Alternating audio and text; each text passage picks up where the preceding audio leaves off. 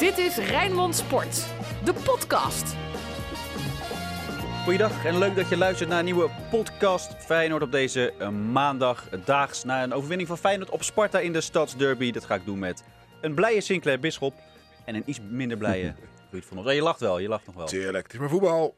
Het is maar voetbal. Nee, hoe heb jij het, uh, hoe heb je het beleefd Ruud, zo op het kasteel uh, waar het dan in de laatste minuut weer misgaat? Ik heb uh, genoten van de atmosfeer. En van fantastisch fanatiek uitvak. Dat geen bier gooide, maar gewoon Feyenoord aanmoedigde. En aan de overkant ook fanatisme op de Dennis Neville tribune, waar ook geen bier werd gegooid. En ja, beide ploegen werden hartstochtelijk aangemoedigd. Het leidde helaas niet tot het verhogen van het niveau. Want het was natuurlijk niet een beste wedstrijd. Maar toch heb ik me vermaakt. Sinclair, hoe blij, uh, ja, we hebben allemaal gehoord uh, hoe blij je was. Maar hoe groot was de opluchting ook bij, bij Feyenoord? Ja, heel erg groot. Want uh, ja, als je in drie wedstrijden tijd dan twee keer punten verliest tegen met alle respect voor RKC en Sparta. Ja, dat zou dan weer heel duur zijn. Dan, dan, dan telt een overwinning bij PSV niet. Maar ja, het was natuurlijk uiteindelijk toch op basis van de kansen misschien verdiend. Maar dit was wel een van de mindere beurten. Dus ja, eigenlijk zat die wedstrijd vast. Leek het een bloedeloze 0-0 te gaan worden. Ja, en dit zijn dan de lekkerste. En dan, zie je dat het ook wel wat met de ploeg doet. Want dit werd gevierd alsof uh, bij wijze van spreken Feyenoord al richting de, de landstitel ging. Rood, wit, bloed, zweet. Geen woorden maar daden. Alles over Feyenoord. Zaten al deze ingrediënten in deze wedstrijd, uh, Ruud? Die net worden opgenoemd. Bloed, zweet, tranen? Nou ja, de tranen zaten bij Sparta inderdaad. Ja. En uh, bloed en zweet. Het heeft beide partijen wel bloed en zweet gekost om overeind te blijven. Feyenoord omdat het niet de beste dag had. En het dus uh, echt uh, ja, opgejaagd werd door een fel Sparta. En dus af en toe flink van zich af moest bijten.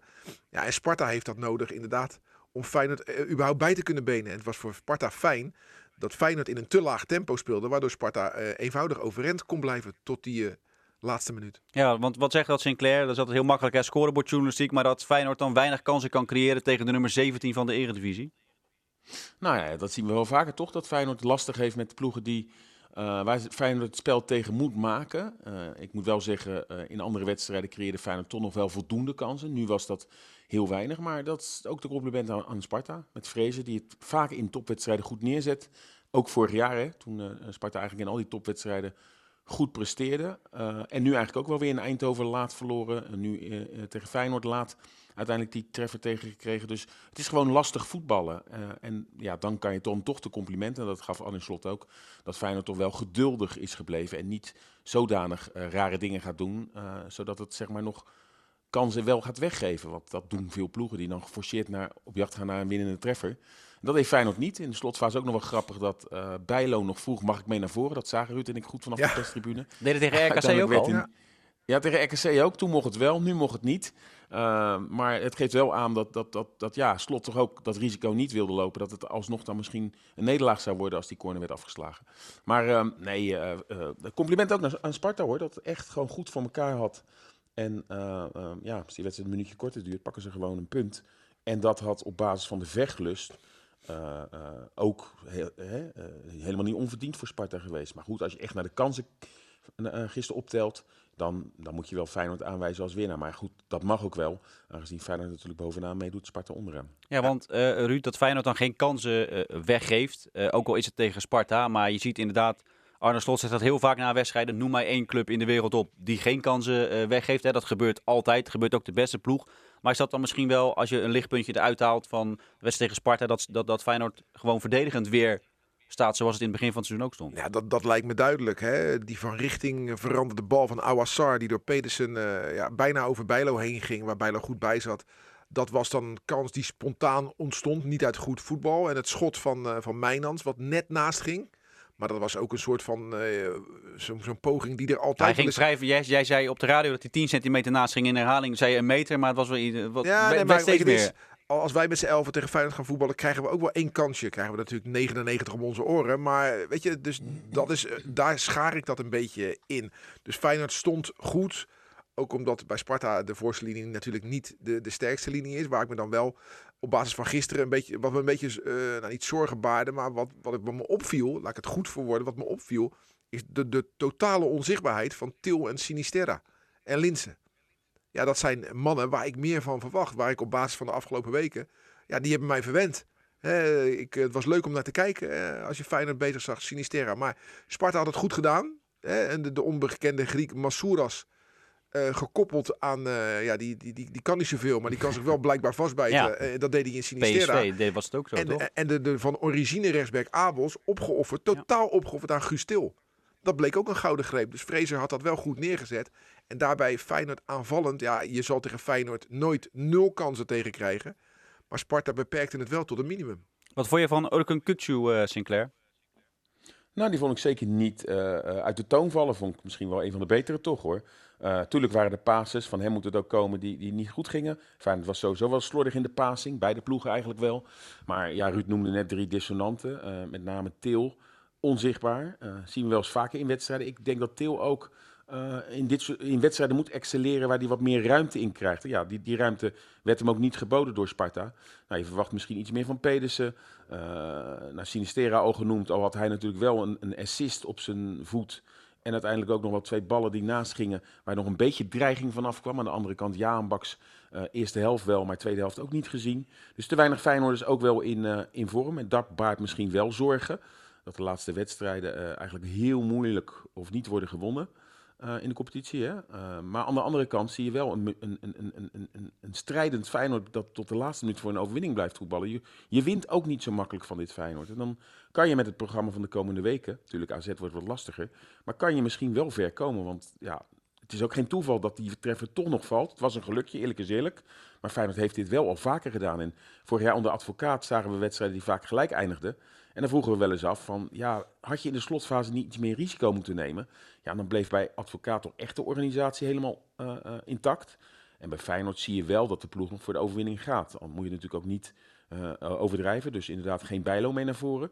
Maar dat, be- beloont, dat betaalt zich dit jaar al een paar keer uit. Hè. Tegen NEC werd het nog omgebogen. Tegen Drita nog een paar wedstrijden waarin de slotminuut nog doelpunten werden ge- gescoord. Dus dat, dat win je ook zelf altijd wel af.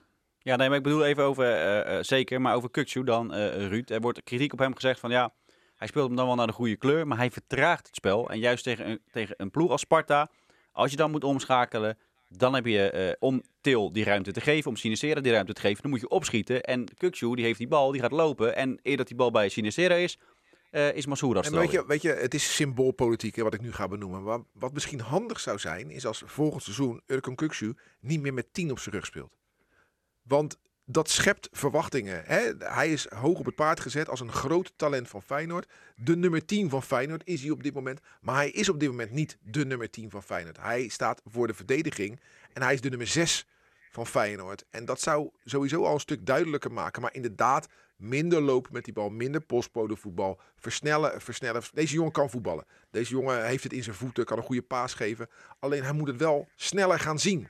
Ja. En als hij dat gaat doen, dan wordt hij echt een goede voetballer. Kan die dat?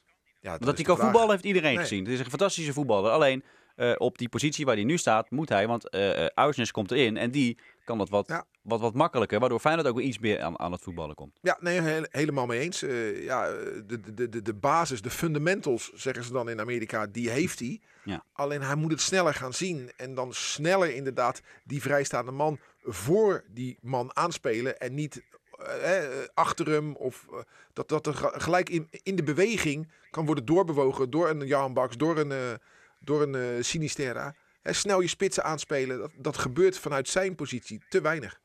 Ruud had het net, eh, Sinclair, over rug nummer 10 bij eh eh Kukçu. Moet Cyril Dessers met 90 plus 3 op zijn rug gaan spelen?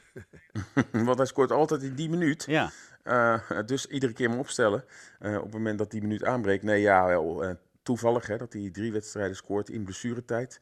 Hij heeft natuurlijk ook weinig basisplaatsen, sterker nog maar één. Ja, toen miste hij de grootste kansen. Maar goed, dat blijft ook wel balletje binnenkant paal. Als hij dan had een lop en nog een bal. Het was ongelukkig hoor, gaf hij ook na afloop toe. Maar had hij die bal wel gemaakt, dan, dan had iedereen tot nu toe gezegd... wat een gouden greep was dit. Want hij scoort bijna in al zijn invalbeurten. En nu een hele belangrijke ook. Uh, eigenlijk ook tegen NEC de beslissende nog, al was dat de laatste seconde. Maar uh, ja, uh, 90 plus 3 inderdaad. Nee, maar is hij, moet, moet hij, is hij dus de ideale pinch-hitter, de ideale invaller? Of, of, Ja, natuurlijk. En dat Ja, moet je voorlopig de- wel. de- Ruud Ja. is Linse-fan. hè, Nee, die, nee, eh, nee, nee, daar gaat het niet om. Daar gaat het niet om. Je moet je specialiseren en dan moet je, eh, je moet je specialiseren in waar je goed in bent. En wat ik zo gek vind altijd in voetbal, is dat er maar één heilig doel is voor voetballers. Dat is basisspeler worden. Dat is toch logisch? Nee, dat is niet logisch. Want kijk naar andere beter ontwikkelde sporten. Daar zie je dat mensen zich specialiseren. En dat je in andere sporten heb je ook mensen die zich specialiseren in het later in de wedstrijd komen. En dat is hun rol, dat weten ze, die kennen ze. En daar werken ze aan. Dat zijn bijvoorbeeld bij honkbal die werpers die in het laatst van de wedstrijd inkomen. Die gooien soms maar drie ballen en dan zijn ze weer weg. Maar die gooien ze zo ongelooflijk hard en daar werken ze aan. Ja, maar daar kan je altijd wisselen. In het voetbal kan je natuurlijk maar drie keer wisselen. Nee, maar, vijf nee, keer. nee, nee, maar je moet bij. Ik zou als ik Dessers was, me totaal fixeren nu en focussen op het zijn van pinchhitter. Dat je 10, 20 minuten kan vlammen. Hij hoeft niet zich op te trainen om 90 minuten fit te zijn. Dat is helemaal niet relevant. Hij moet fit zijn 20 minuten en daarin moet hij alles geven. Want daarin blijkt hij gewoon hartstikke goed te zijn. Focus je daar dan op. Maar ja, dat, dat, dat blinde heilige doel van ik moet basisspeler zijn. Ja, daar, daarmee kunnen voetballers echt wat leren van andere sporten. Waarin er mensen zijn die gewoon ingebracht worden op het moment dat er behoefte aan is. Ben je het daarmee eens, eh, Sinclair? Nee, ben ik niet mee eens. Ik bedoel, kijk, eh, eh, hij heeft natuurlijk ook nog niet echt de kans gekregen. Hè? Kijk, we kunnen hem wel op één wedstrijd RKC beoordelen. Maar geef hem, dan moet hij vijf, zes wedstrijden de kans krijgen. Ja, maar dat zegt Ruud. Dus, inderdaad- Ruud, Ruud zegt niet dat hij, Oh. dat hij niet goed genoeg is. Ruud zegt alleen dat hij eh, misschien beter kan zijn en in zijn kracht en Ja, van waarde voor wij, Feyenoord wij weten niet of hij eh, eerste spits kan zijn bij Feyenoord. Of hij daarin volstaat. Want eh, vorig jaar hebben we Linsen een jaar lang, een half jaar lang de tijd gegeven. En in elke wedstrijd die je voor de winterstop hem zou beoordelen vorig jaar, had je gezegd: deze jongen moet zich gaan richten op een pinchhitterrol. Of misschien wel Nee, helemaal was- niet bij Feyenoord. Maar dat was als linksbuiten natuurlijk. Hè? Dat hij, eh, Nee, hij heeft Ja, vorig jaar ook heel vaak in de spits gespeeld. Jawel, maar hij begon bij Feyenoord in zijn eerste jaar gewoon op zijn linksbuitenpositie natuurlijk. Toen was Louis Sinistera Nee, nog niet je- fit. Ja, maar toen, toen was heel snel, eh, was, eh, toen is Diemers naar de links, linksbuitenpositie ook gegaan. Toen is hij in de spits komen te lopen, omdat Jurgensen geblesseerd was. En Bosniek op een gegeven moment ook. Hij heeft bijna tot de winterstop in de spits gestaan. En uiteindelijk pas in de laatste wedstrijd voor de kerst eh scoorde hij drie. Maar hij heeft, eh, tegen Heerenveen, ja. Maar hij heeft heel veel wedstrijden in de spits gestaan. En ook hele grote kansen gemist, waarbij iedereen, iedereen zich afvroeg. Dus soms moet je wel spelers de tijd geven. En als inderdaad blijkt over langere tijd dat hij echt, als hij alleen maar invalt, ja, is het natuurlijk een gouden greep voor een trainer. Dat je weet, deze jongen breng ik in en ontstaat wel. En op dat moment, dat, volgens mij is Dessers ook wel reëel dat dit op dit moment wel zijn, zijn eh, status is. Alleen ik kan me wel voorstellen dat hij ook wel op dit moment nog wel meer wil. En eh Linse ehm, eh, heeft toch ook wel een paar wedstrijden. En dat was nu op Sparta en dat maakt niet uit, want hij doet het geweldig. Dat, eh, het is bij Linse ook wel, het is alles of het is niets. Ja, maar Linse kreeg wel kreeg een tikje. hè, van de Abels. Waar Abels het terecht Absoluut, geel voor kreeg. En daar heeft hij heel de wedstrijd last van ge- gehad hoor. Dus eh, ik vond het ook logisch dat hij gewisseld werd. Want hij, hij was gewoon niet meer fris. Nee, en hij krijgt een 100% kans die, eh, eh, die, die, die misschien normaal wel maakt. Want die volgens mij, iedereen zegt dat hij hem slecht inschiet, maar ik weet niet hoeveel keepers in Nederland die bal zouden pakken. Want die schiet hem bijna 9 van 10 keer onder de keeper door, toch? Nee, de, de twee beste keepers van Nederland stonden gisteren op het kasteel op het veld. eh Bijlo en, en Okoye. Ja, toch, Ruud, om jou maar even te pesten. hè. Je moet Okoye moet die bal van Dessers toch gewoon pakken? Ja, Hij zit eraan. Ja, maar hij komt wel van achter heel veel Ja. mensen. Nee, niet. Nee, ga maar kijken herhaling. Vrij, vrij zicht. Dus ik vind... Hij ik- stond alleen, op- hij ging alleen naar de andere hoek. het- eh, wat ik het, als ik dan Sparta in deze fijne podcast iets, iets mag verwijten, is dat Dessers zo vrij stond. Ja. En ja, sorry, ik ben misschien eh, old-fashioned, maar waarom werken wij eh, in Nederland niet meer met mensen bij de palen? Hebben, eh, Feyenoord zet nog wel Malasia bij de eerste paal. Sparta had niemand bij, bij, dat was de eerste paal. Feyenoord- Sparta had niemand bij die paal staan. Nee, het is allemaal mannetjes Volkomen dekken. mee eens. Nee, het is ook geen man. Zonne. Oh, zone, ja. Zonne. ja.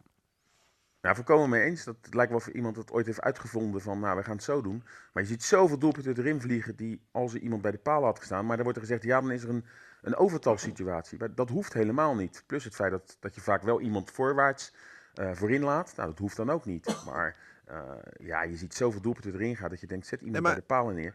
Precies. Als je kijkt naar Sparta en die, die hoekschop die komt in de 93 minuut. Sparta kan niet meer winnen. Zat er sowieso niet in, maar het kon alleen nog maar verliezen. Feyenoord houdt eh één of twee mensen achter. Hè, want je gaat niet met de 11 man in die. Dus dat betekent dus dat als Sparta 10 man in de eigen 16 heeft staan, dat iedereen een mannetje kan pakken en dat er ook nog twee bij de palen kunnen staan. Ja, wat de Maar- meeste, dat wat Want, veel eh, clubs hè, want degene die de hoekschop neemt, die hoeven niet te dekken. Ja. Dus dat scheelt ook alweer. Maar toch kiezen ze er dan voor om niet iemand bij die paal te En dat is niet alleen Sparta. Nou, wat ik zeg, Feyenoord zet Malatia bij de eerste altijd. eh, maar ja, ik vind dat de goal daardoor zo groot is voor de Nou ja, keeper. ze hebben er berekend dat eh, eh, waar die bal dan ook komt, dat er altijd iemand staat. Dat is het idee van zonnedekking. Nou, dat is niet echt helemaal gelukt. Nee, die- want alleen daar achterin stond dus Ja, Dessers stond en die stond niet in de, in de zone. Ja, Die stond buiten de zone. ja. Nee, eh, Sinclair, Maar, maar wat ik ook vaak Ja. niet begrijp. Ehm, je weet precies wie heel erg gevaarlijk kunnen zijn uit corners. En die moet je dekken. Eh, hè, die kan je ook goed dekken. Maar soms de beste kopper uh, zet daar desnoods soms ook twee man op. Maar er zijn ook mensen die totaal niet kunnen koppen. En dat zie je ook soms dat daar zo raar met corners wordt omgegaan. Dat mensen hem inkoppen. En dan denk ik, ja, dan zet je ook iemand tegen die kopper. Die, waarvan je weet dat, je, dat hij goed kan koppen die dan vrij kan inkoppen. Dus daar kan veel meer uit worden gehaald, denk ik, door, uh, door clubs. Dat je wel gewoon kijkt, nou, wie gaat er mee naar voren? Hoe groot is, hoe reëel is nou de kans dat, dat die en die gaat scoren? En daar goede, goede koppeltjes maakt. Maar dat, dat, dat zie je ook vaak, dat dat niet uh, gebeurt. Ik zou de spits van de tegenpartij altijd dekken. Ja. En dat Ja, gebeurde niet eh, nu. En eh Feyenoord profiteert daar eh, goed van. Sinclair? Maar, maar zag je, eh, Sinclair, jij beoordeelt dat dan vanuit jouw Feyenoord oogpunt. Ik vanuit mijn Sparta oogpunt. Ik vond de, de, de, de blijdschap was natuurlijk mooi om te zien. Ze waren zo ongelooflijk blij. Niet alleen de supporters, maar ook de spelers. Hè, dat, het leek wel alsof er een soort van, van drempel genomen was of zo. Ja, het heeft natuurlijk mee te maken. 93 minuut, ik snap Ja. het wel. Maar de blijdschap was zo groot. Ja, omdat het ook Ja. waarschijnlijk tegen RKC natuurlijk ook niet, eh, eh, niet lukte. Toen viel hij niet. En bij Dessers ook. Bij Dessers viel hij niet. En nu viel hij bij Dessers natuurlijk wel. Ja. Dus ook bij hem en Ja. bij de supporters. Ja, het is natuurlijk... eh, eh, natuurlijk wordt eh, door Feyenoord ook de derby aangehaald. Dat leeft ook wel. Bij die spelers. Althans, ik zou als ik Arne Slot was het altijd eh, als een soort... eh, eh, eh, ehm, argument gebruiken dat, om, om ze nog meer te motiveren. Dus dan, dan kan ik me voorstellen dat daar de blijdschap groter is dan als je Ja. maakt in de Kuip tegen RKC. Ja. Eh de Sinclair waar ik naartoe wilde al, al twee keer, maar nu de derde keer mag het, mag het uiteindelijk. Als we de, de balans gaan opmaken, Feyenoord die dan nog een inhaalwedstrijd heeft te gaan. Ervan uitgaande dat ze die winnen, wat we normaal gesproken niet moeten doen. Maar we gaan er eventjes van uit. Hij hecht het Ajax gewoon in de nek. Met één punt. En Met één je- punt. Ja, ik, ik blijf erbij. Wie had dat gedacht? En nu gaan we die lat. En logisch, hè, want Feyenoord heeft dit laten zien tot nu toe. Dus dan mag je meer verwachten. Maar dit had natuurlijk niemand verwacht. eh, dat Feyenoord op deze posities gaat staan. Dus wordt er kritischer naar het elftal gekeken. Ik bedoel, als we, eh, eh, aan- toen Arne Slot begon, naar alles wat er gebeurd was en het, het geen- er was geen geld, et cetera. Als we dan hadden gezegd nu van, ja, Feyenoord staat op één punt, had iedereen gezegd, ja, ben je gek geworden. En staat in Europa bovenaan in de groep. Dus eh, ja, Feyenoord doet het gewoon fantastisch. Alleen moeten we dan wel onze ogen niet sluiten dat er echt wel de komende weken dat kwartje ook de andere kant op kan vallen. Hè. Dus de laatste weken gaat het ook wel gewoon goed. Bij Cambuur, oké, verdiend. Maar in de slotminuten eh, sta je een 2-3 voorsprong te verdedigen. Nu valt hij pas in de allerlaatste minuut. Tegen NEC zagen we natuurlijk dat het ook al piepte en kraakte wat betreft het nog die overwinning uit het vuur slepen. Dus we moeten onze ogen niet sluiten dat we ook niet zo positief moeten zijn in de zin van dat iedereen maar zegt Feyenoord gaat dit jaar meedoen met de Ajax om. Die vragen werden gisteren ook al gesteld. Want er kan dadelijk, en Feyenoord krijgt een hele beroerde decembermaand, zeker nu ook met die bekerloting erbij, ehm, waarbij je ook gewoon weet dat Groningen uit en Twente uit ook wel eens puntenverlies eh, op zou kunnen leveren. En er zijn nog een paar wedstrijden, hè. Ajax dan thuis en vlak voor de winterstop nog Heerenveen uit. Eh, Feyenoord zal nu moeten laten zien dat het stappen kan maken de komende weken, dat het inderdaad ook die wedstrijden eh, gaat winnen. Maar dat het fantastisch gaat eh, tot nu toe qua punten, eigenlijk ook qua spel. Al moet je ook kritisch zijn de laatste weken met het aantal tegendoelpunten. En die vertoning gisteren op het kasteel is wat minder. Maar goed, dat moet je denk ik allemaal voor lief nemen voor hoe het gewoon gaat. Als je zeker gezien waar Feyenoord vandaan komt, kijk, kijk naar de ontwikkeling van het elftal. Hoort dit erbij met vallen en opstaan. En gelukkig is het bijna alleen maar opstaan. Want eh, ehm, er is veel eh, kritiek eh, aan het begin van het seizoen van Feyenoord heeft een krappe selectie. Maar als je ziet weer wie er invallen. Ja, maar dat zei ik vorige keer al Ja. in deze podcast. Als je ziet... Uisners, Dessers, Geertruida. Ja, Ja. als je die op de bank hebt zitten, dan kan je toch... Tuurlijk, Ajax en PSV hebben er een bredere selectie. Dat ben ik duizend procent met iedereen eens. Maar om nou te zeggen dat Feyenoord een smalle selectie heeft, ik vind dat best wel meevallen. Het kan breder, maar om nou te zeggen smal, nee. Sparta, die hebben een sma- smalle selectie. Ja, die hebben ook gewoon niet eens eh, elf goeie. Nee. Gaan we het, eh, eh, als je dit luistert, er is ook een Sparta-podcast, er staat online. Dus als je over Sparta alles wil weten, dan zou ik die luisteren met Ruud van Os en met Anton Slotboom. Ehm, eh, ik ga even naar naam, Dennis te Kloesen. Ja, heb ik ook een naam voor jou. Theo van Eyck. Oh, vertel. Ja, nee, kijk, Dennis ten Kloeze is een, een, een, een man werkzaam in Amerika als general manager van LA Galaxy. En die, die naam ging al bij Feyenoord rond twee jaar geleden toen Toon van Bodegom op zoek was naar een opvolger van Jan de Jong. Mhm. Nou, dat werd uiteindelijk Mark Koevermans, omdat Dennis de Kloeze eh, misschien zelf niet wilde. Wellicht wilden andere mensen binnen Feyenoord Dennis ten Kloeze niet. Ik hoor nu, eh, oh het is 12 uur. Je hoort dat we om 12 ja. uur de podcast opnemen, maar bij Sinclair gaat de, dus, eh, de sirene af. Ehm, eh, dus Dennis ten Kloeze, die, ja, die naam gaat dus nu weer rond. Toon van Bodegom zal hem ongetwijfeld opnieuw willen. De vraag is of Dennis de Kloeze terug wil naar Nederland. Heeft naam gemaakt in, eh, in de Verenigde Staten. En ja, als je daar je naam maakt, dan komen de dollars vaak eh, vanzelf wel. Eh, was met Hans Westhoff meegegaan naar Mexico. Een aantal jaar geleden. Uiteindelijk. Directeur van de voetbalbond van Mexico, toch? directeur voetbalbond is daarna noordelijk gegaan. Nu LA Galaxy wordt gev- gevochten om zijn handtekening. Meerdere clubs die hem willen. Dus dat is een kandidaat, de kandidaat van Toon van Bodegom. Mhm. Maar ik noem Theo van Eyck. Want dat is een, eh, een Rotterdammer. Mhm. Belangrijk. En ja, precies. En die is, dat is een politicus van de CDA. Die eh, burgemeester geweest in, eh, in Medemblik, in Hollandse Kroon, in Aalsmeer en Uitgeest. eh, lid van de Provinciale Staten. Ja. Is een Feyenoorder. Ja. En die wordt nu ook binnen de wanden van de Kuip genoemd als zijnde een kandidaat algemeen directeur. Theo van Eyck, ooit begonnen in de politiek in Hoek van Holland. Dus eh, ik ken de man niet.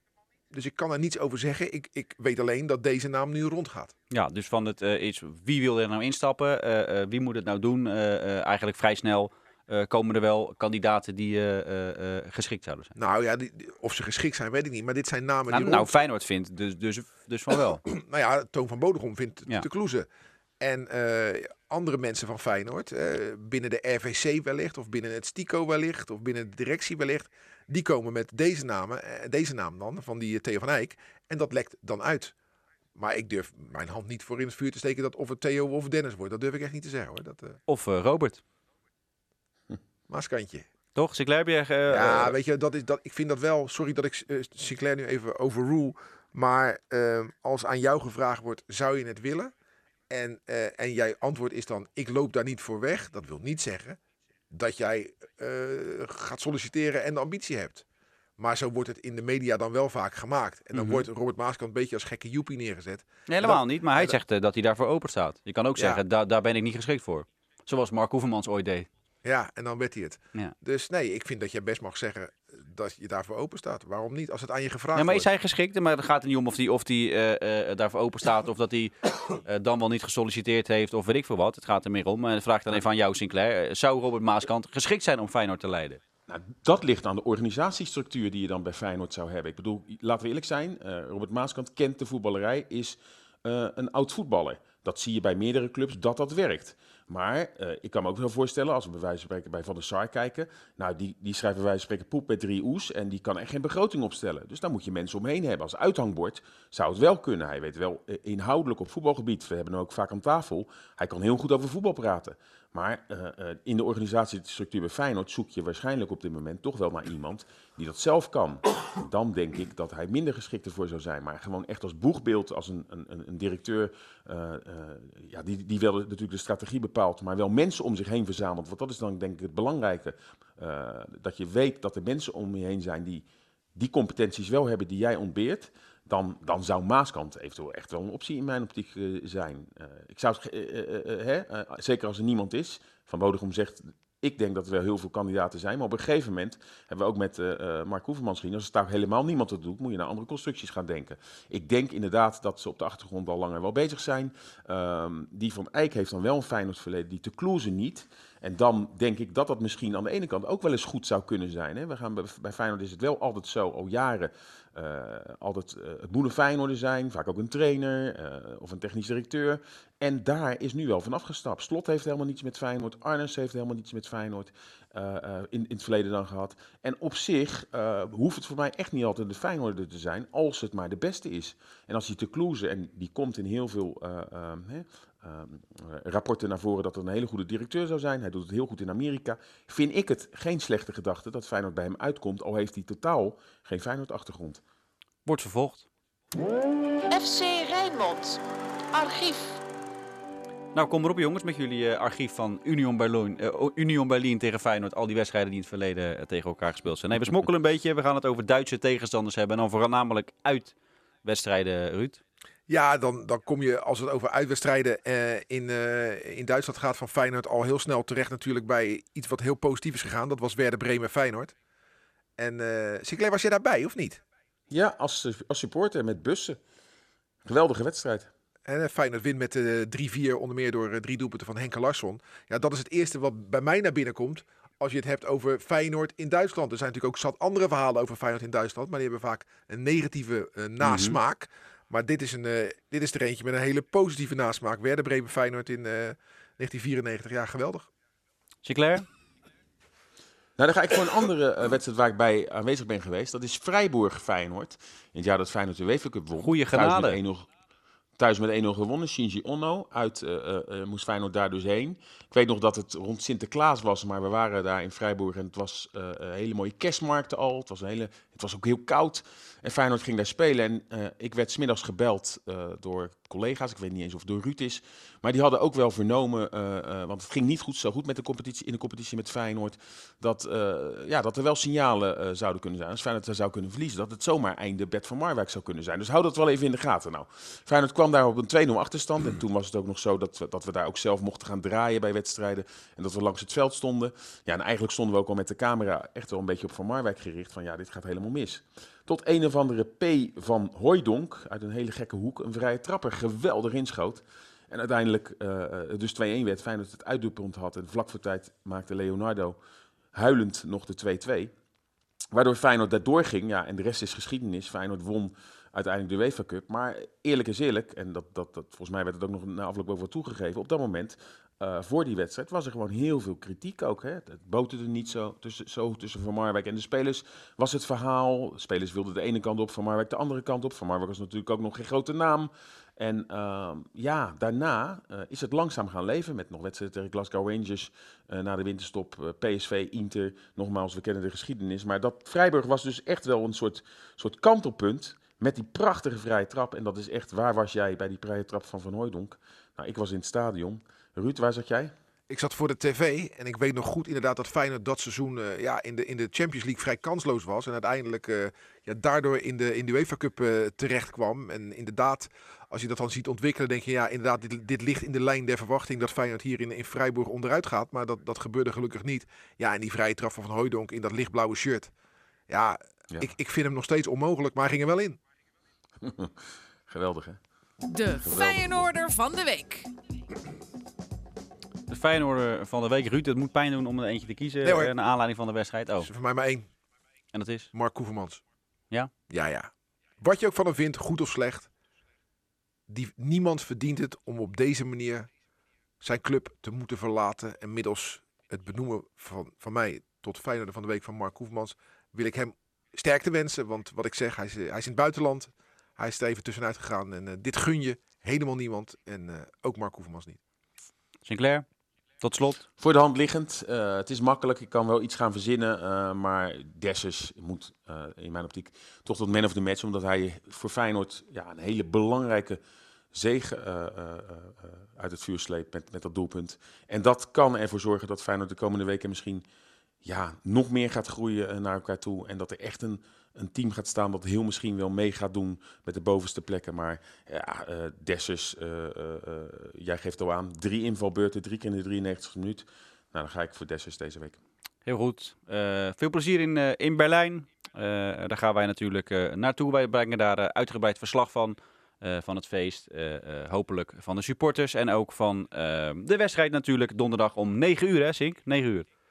9 uur is de wedstrijd en ja, uh, dus de hele week te volgen. Ja, onze website houdt in de gaten. Radio, televisie, uh, updates, uh, YouTube. Wat hebben we allemaal nog meer? Instagram, Facebook, Twitter. volg ons overal op, want je wordt volledig op de hoogte gehouden van de ontwikkelingen in Berlijn. En laten we nogmaals hopen dat het één groot supportersfeest wordt. Um, en daar zijn wij natuurlijk met alle liefde bij. Ruud, dankjewel. Sinclair, dankjewel. En tot de volgende. Dit was Rijnmond Sport, de podcast. Meer sportnieuws op Rijnmond.nl en de Rijnmond app.